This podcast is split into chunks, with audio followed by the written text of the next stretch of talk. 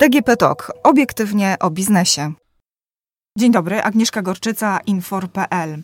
Gościem odcinka podcastu Obiektywnie o biznesie, moja firma, jest sędzia Katarzyna Wesołowska z Budniewek, sędzia Sądu Okręgowego w Łodzi. Dzień dobry. Dzień dobry pani, dzień dobry państwu. Pani sędzio, pani na swoim blogu pisze artykuły, pani komentuje otaczającą rzeczywistość. Jak pani zdaniem e, dziś mają się sądy, dlatego że obywatele chcą reformy systemu, są zmiany, które mają poprawić działanie wymiaru sprawiedliwości. Czy to tak do końca właśnie funkcjonuje teraz?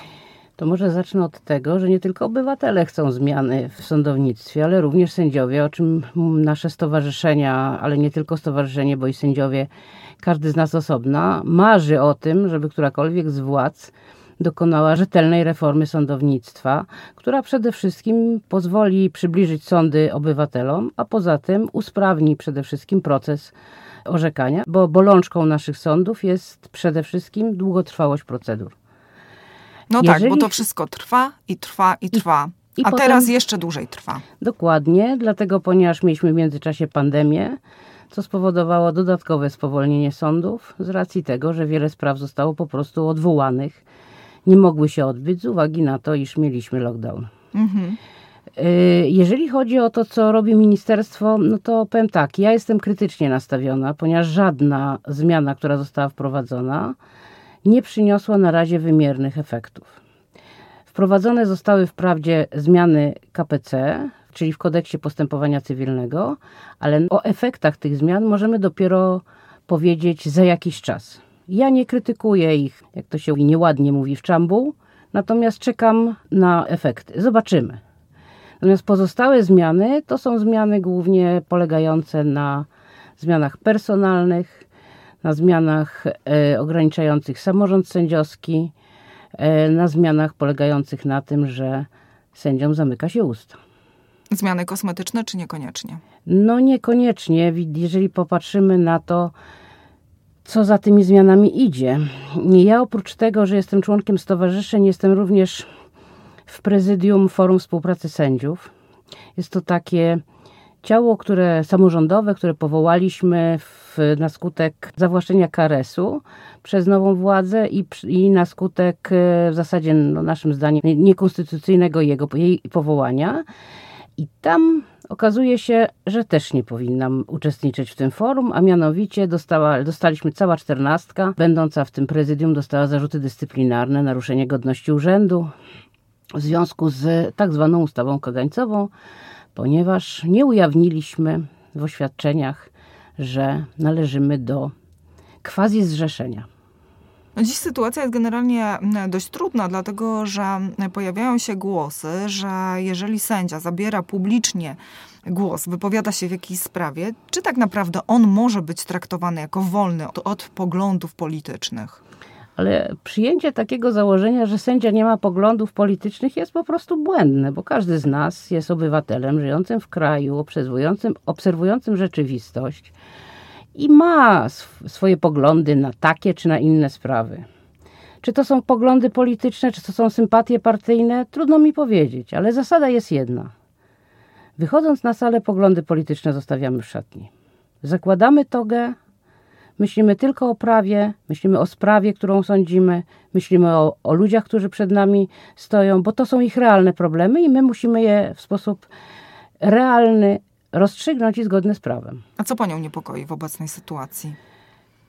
W obecnej sytuacji, no przede wszystkim działalność tak zwanej Izby Dyscyplinarnej przy Sądzie Najwyższym, która właśnie dzisiaj o 14.30 rozpoczyna się posiedzenie tejże Izby w sprawie sędziego Ireny Majcher, która w pierwszej instancji została oczyszczona z zarzutów, ale prokuratura chce uchylenia immunitetu z racji tego, że pani sędzia miała inny pogląd w danej sprawie. To nie to, że popełniła delikt czy też jakieś przestępstwo. Nie, po prostu inaczej zinterpretowała przepisy. Mnie do niedawna jeszcze się to w głowie nie mieściło. Ten sam kaliber zarzutu ma sędzia Igor Tuleja, którego rozprawa będzie jutro. Mimo tego, że Europejski Trybunał orzekł, że ta izba nie może działać, ona działa. Mimo, że e, mieliśmy do czynienia z uchwałą bez precedensu, uchwałą Sądu Najwyższego w składzie trzech izb, gdzie wprost stwierdzono, że to nie jest sąd, ta izba nadal działa. Dla mnie jest to wprost łamanie przepisów. Pani orzeka też e, w sprawach, które wywołują wiele emocji. Mówię tutaj o mowie nienawiści, o hejcie w internecie. To są trudne tematy, z którymi pani też się musi zmierzyć. E, myślę, że tutaj należy też wspomnieć e, o samobójstwie nastolatki z Kozienic. Dzisiaj ten hejt jest poważnym zagrożeniem. Jak tu się kształtują przepisy? Jak się kształtuje ta sytuacja? Jeżeli chodzi o hejt, no ja mogę powiedzieć tylko z punktu widzenia cywilistycznego występują sprawy o ochronę dóbr osobistych. Oczywiście to są sprawy różnego kalibru i one są zawsze naładowane olbrzymią emocją, ale z większym hejtem spotykają się ludzie, którzy mają problem z tożsamością płciową.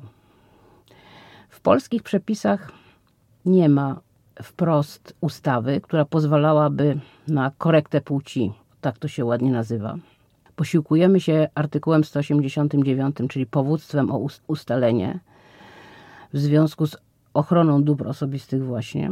Sądy do, doszły do wniosku, że tożsamość płciowa podlega ochronie. My jako sąd, czy jako sędziowie spotykamy się na sali z tym ostatnim momentem. Może, no, może nie, źle powiedziałem, nie z ostatnim, ale Trochę pre, tak przed ostatnim. Przed ostatnim, przed tym definitywnym, definitywną zmianą młodego człowieka. Mhm. To jest proces trudny. Przede wszystkim trudny emocjonalnie i to jest, on jest trudny emocjonalnie nie tylko dla stron, dlatego ponieważ po stronie przeciwnej pozywamy rodziców, czyli osoba, która chce dokonać korekty płci, musi pozwać swoich rodziców. Od tego się zaczyna generalnie cały ten proces e, prawny zaczyna się w zasadzie nie od, znaczy proces sądowy tak, mhm. natomiast cały proces zaczyna się od kłopotów młodych ludzi z ustaleniem swojej tożsamości. Z odrzuceniem w środowisku kogoś, kto wygląda inaczej, zachowuje się inaczej, wyparciem przez młodego człowieka tego, że on jest inny. Miałam młodą kobietę, która stawała się mężczyzną. Zanim dotarła do sądu, miała cztery próby samobójcze. Dopiero za piątym razem psychiatra prawidłowo zdiagnozował problem. Jak weszła do mnie na salę, wyglądała jak mężczyzna, tak? bo to już są po tych pierwszych terapiach hormonalnych, które ten młody człowiek przeszedł. No i ja, widząc przed sobą mężczyznę, a w aktach mając kobietę, mówię do niego, proszę pana. Po czym mówię, o przepraszam, e, proszę pani. A on na to mówi, proszę sądu, czy mógłby się sąd do mnie zwracać w formie męskiej? To jest dla mnie bardzo ważne. Mimo, że w aktach. Mimo, że w aktach, mimo, że w akcie urodzenia. Mimo, Na wokandzie. Wszędzie mhm. był kobietą. Oczywiście uszanowałam tą prośbę, bo uważam, że sędzia w takich sprawach powinien się zachowywać z dużą dozą empatii. Jak opowiedział mi swoją historię, to powiem, że dawno nie pamiętam takich emocji, żeby jakakolwiek sprawa u mnie wywołała jak on się musiał zmagać z własnymi rodzicami, z własnym środowiskiem. Pochodził z małego środowiska, nie z dużego miasta, z małej podłódzkiej miejscowości. Koniec był taki, że wydałam orzeczenie pozytywne dla niego. I on do mnie mówi tak: Proszę sądu, czy ja mogę podejść i uścisnąć dłoń ja mówię, tak, oczywiście. Bo to jest najszczęśliwszy dzień mojego życia. I dopiero wtedy widać było na, w oczach tego człowieka ulgę. Dlatego ja mówiłam o tej drodze, że ta jego droga przez mękę, przez którą, bo to się zaczęło od 13 roku życia, a jak u mnie się zjawił, miał 24, zakończyło się dla niego sukcesem. Opowiadał mi o tym, że jego pracodawca docenił to i przedstawił go już nowym imieniem.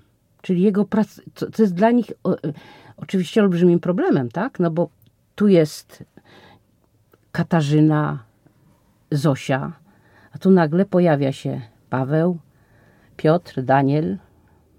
I pracodawca mówi: Dobrze, to ja ci, to ja ci pozwolę, żebyś był Damianem. Na tym przykładzie widać, jak bardzo niedoskonałe jest prawo. Pani sędzia, a czy pani może zdradzić, jak zachowują się w tej sytuacji e, rodzice, którzy też na tej sali e, się znajdują? Bardzo różnie. Mhm. Jeżeli rodzice, są takie sytuacje, że rodzice podejmują terapię razem z dzieckiem. Bo to dla rodziców, nie ukrywajmy, też jest szok. Akceptacja własnego dziecka, które jest inne, nie dla wszystkich jest oczywista. Jeżeli rodzice podejmują terapię razem z dzieckiem, są w kontakcie z jego psychiatrą, psychologiem, to jest ok. Ale mimo wszystko i nawet w takiej sytuacji i tak ten proces sądowy zaczyna się od pozwania. Tak, rodziców. To nie ma znaczenia, to w jakich nie, nie ma tutaj znaczenia. relacje. Nie, nie ma mhm. znaczenia. Nie ma znaczenia. W 2015 roku pani posłanka Grodzka do Sejmu nawet przeszedł, przeszła ta ustawa przez cały proces legislacyjny, została zawetowana przez prezydenta Dudę, która to ustawa porządkowała bardzo wiele rzeczy. Zgodnie z wytycznymi organizacji międzynarodowych, ten proces powinien być procesem szybkim. Spróbujmy to w czasie umiejscowić teraz. Trzy miesiące. A trwa? A trwa, no, do roku. To bardzo długo. Na czym polega problem? Że my powołujemy zespół biegłych tak? Który, mhm. który jest psychiatra, seksuolog, psycholog, którzy muszą stwierdzić, czy faktycznie taka sytuacja, sytuacja ma, miejsce. ma, miejsce. czy faktycznie mamy, mamy problem tożsamości płciowej. Znaczy, mówienie o tym, że to jest, jak co niektórzy potrafią powiedzieć, bo ktoś ma takie widzimisię, to proszę sobie odpowiedzieć na pytanie, czy pozwoliłaby się pani okaleczyć pozbawić funkcji rozrodczej. Dla widzimisię? Bo takie, ja nie mówię, że wszyscy to robią, bo to nie jest obowiązek, żeby było jasne. Ale są takie osoby, które w związku z korektą płci dokonują również operacyjnych, operacyjnych zmian. zmian, które wiążą się z niemożnością zachowania funkcji rozrodczych. Więc mówienie o tym, że to jest coś, co ktoś sobie wymyślił, poszedł, przespał się i następnego dnia się obudził mężczyzną albo kobietą, no to jest po prostu ignoranstwo. Czy takich spraw teraz Państwu przybywa? Y, nie, one są mniej więcej na stałym poziomie. Mhm. Ja myślę, że dopiero kiedy zaczniemy uświadamiać ludziom to, że jest taka że droga, jest taka droga y, że są takie możliwości, no to wtedy tych spraw może być więcej. Poza tym, no to też biorąc pod uwagę podejście, mówi, zaczęliśmy od hejtu. Tak. Tak? Biorąc pod uwagę tenże hejt, ci ludzie, szczególnie w mniejszych miejscowościach, boją się. Tak? No, to jest e, zjawisko bardzo ciężkie i zarówno do udźwignięcia przez osoby dorosłe, nie mówiąc już o dzieciach, tak? A u nas w zasadzie nie ma możliwości, żeby małoletni wystąpił o korektę. Ale zdarzały się takie przypadki? E, ja osobiście nie miałam mhm. takich, takich przypadków. Ja miałam przypadki osób, tylko i wyłącznie osób dorosłych. Pełnoletnich. Pełnoletnich, tak jest. Jak pani patrzy na sądy przez pryzmat ostatnich wydarzeń, to jak pani widzi ich przyszłość? Przyszłość też tych spraw, przyszłość ludzi, którzy znajdą się na tych salach sądowych. Powiem tak. Nie wszystko zależy od procedur. Nie wszystko zależy od polityków. Wiele zależy od ludzi. Wiele zależy od sędziów. Jeżeli sędziowie okażą stronom zrozumienie, odrobinę empatii, odrobinę zrozumienia tego, co, z jakim problemem, że to jest dla nich najważniejszy problem. Ja wiem, że dla mnie to jest kolejna sprawa, którą ja mam, ale dla tego człowieka to jest coś, co jest dla niego być albo nie być. Najważniejsze wydarzenie Najważniejsze życia. wrażenie z życia. Tak. W związku z tym myślę, że nie będzie aż tak źle dopóki politycy zupełnie nie zawłaszczą sądów, czyli nie uzależnią sędziów od siebie, to będzie dobrze. I tym pozytywnym akcentem zakończymy tą rozmowę. Gościem odcinka podcastu była Katarzyna Wesołowska z Budniewek, sędzia Sądu Okręgowego w Łodzi. Dziękuję serdecznie za wizytę w studiu. Dziękuję pani, dziękuję państwu. Do usłyszenia.